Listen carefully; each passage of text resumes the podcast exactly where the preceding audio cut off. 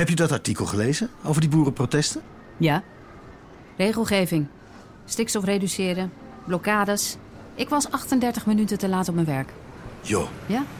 Als het om nieuws gaat, hou je het liever bij de feiten. Daarom lees je nu.nl. Nu.nl. Houd het bij de feiten. Al 25 jaar. Ga naar nu.nl of download de app.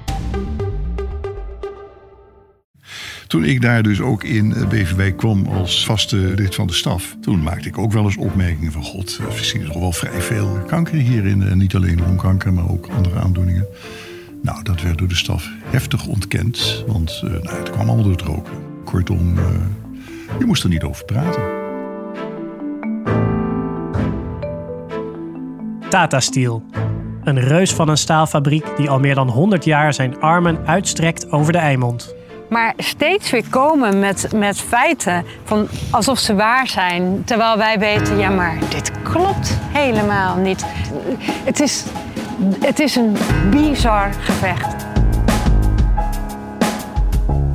Hoe heeft de staalfabriek zoveel grip op zijn omgeving weten te krijgen en te behouden? Mijn naam is Annemarie Rozing, nieuwslezer bij Q-Music en opgegroeid onder de rook van Tata. En zoals bij zoveel in het dorp werkte ook mijn familie bij de fabriek. Daar, bij die trots van de Eimond.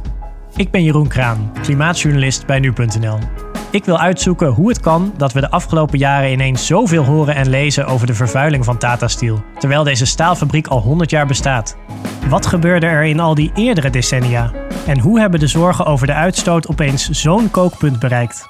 Vanaf volgende week, woensdag 1 november, luister je via dit kanaal naar Tata's IJzeren Greep, een podcast van nu.nl. Abonneer je alvast gratis om geen aflevering van dit onthullende onderzoek te missen.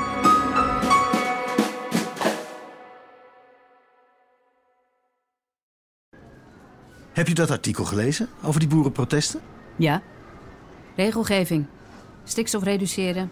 Blokkades. Ik was 38 minuten te laat op mijn werk. Jo. Ja? Als het om nieuws gaat, hou je het liever bij de feiten. Daarom lees je nu.nl. Nu.nl. Houd het bij de feiten. Al 25 jaar. Ga naar nu.nl of download de app.